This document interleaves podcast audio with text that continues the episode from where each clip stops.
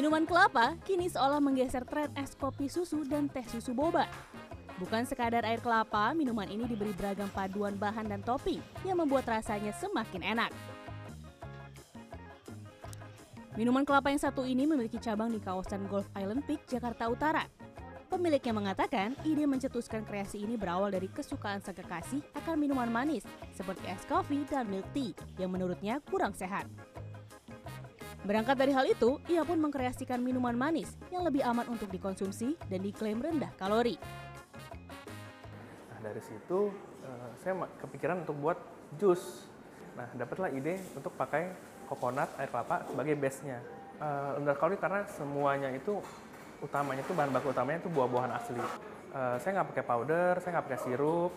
Gulanya pun saya pakai gula tebu yang saya masak sendiri. Kedai yang berdiri sejak 2016 ini berkomitmen pada campuran buah-buahan segar berkualitas saja agar didapatkan rasa manis alami dari buah. Ada beberapa varian minuman kelapa, namun saya mencoba tiga rasa paling disukai pelanggan, yaitu rasa original, melon, dan mojito. Nah, yang paling unik rasanya di sini menurut saya adalah yang kelapa mojito. Karena ketika diseruput pertama kali yang dirasa adalah asam, seperti mojito pada umumnya, tetapi ketika ditelan rasanya berubah menjadi manis. Dari Jakarta Utara, saya bergeser ke Jakarta Selatan, tepatnya di Kemang. Tentu masih mencoba kreasi olahan minuman kelapa lainnya. Kalau tadi minuman kelapa dicampur dengan buah-buahan, kali ini dicampur dengan topping yang manis-manis. Sang pemilik mengaku ia mengadopsi tren minuman kelapa yang sudah lebih dulu viral di Singapura. Kemudian menghadirkannya ke Indonesia untuk bersaing dengan minuman manis yang kalorinya lebih tinggi. Sebenarnya kalau kita bandingkan dengan bubble tea, yang kebanyakan itu mereka punya kalori 550. Dan sedangkan di kita punya kalori cuma 275. Jadi ini hampir setengahnya. Jadi udah bisa dibilang ini lebih sehat.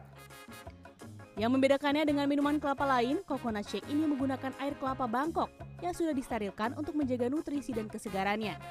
Minuman kemudian dicampur dengan es krim kelapa sehingga teksturnya lebih padat dan kental. Dari enam menu yang menjadi topping kesukaan pembeli ialah selai stroberi, biskuit coklat, dan nata de coco. Nah, penasaran dengan rasa dan keunikan tekstur tersebut? Langsung saja saya seruput. Yang paling unik menurut saya ini adalah air kelapa campur biskuit coklat. Kalau dipikir memang kayaknya kurang nyambung ya air kelapa tambah biskuit coklat rasanya kayak gimana.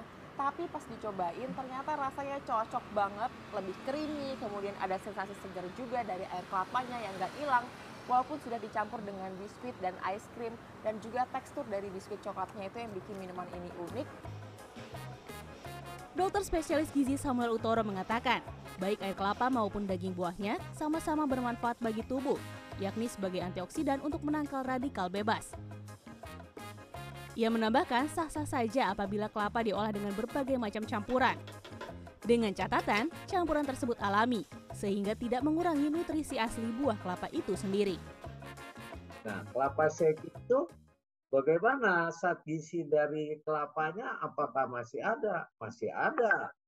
Tetapi kalau dia kelapa coconut shake itu campur campurannya ini yang harus hati-hati kalau dicampur dengan seperti smoothie atau campuran buah-buahan lain, itu akan lebih sehat, sudah jelas.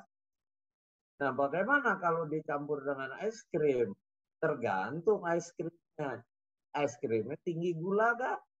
Kalau tinggi gula, akhirnya menjadi tidak baik bagi kesehatan.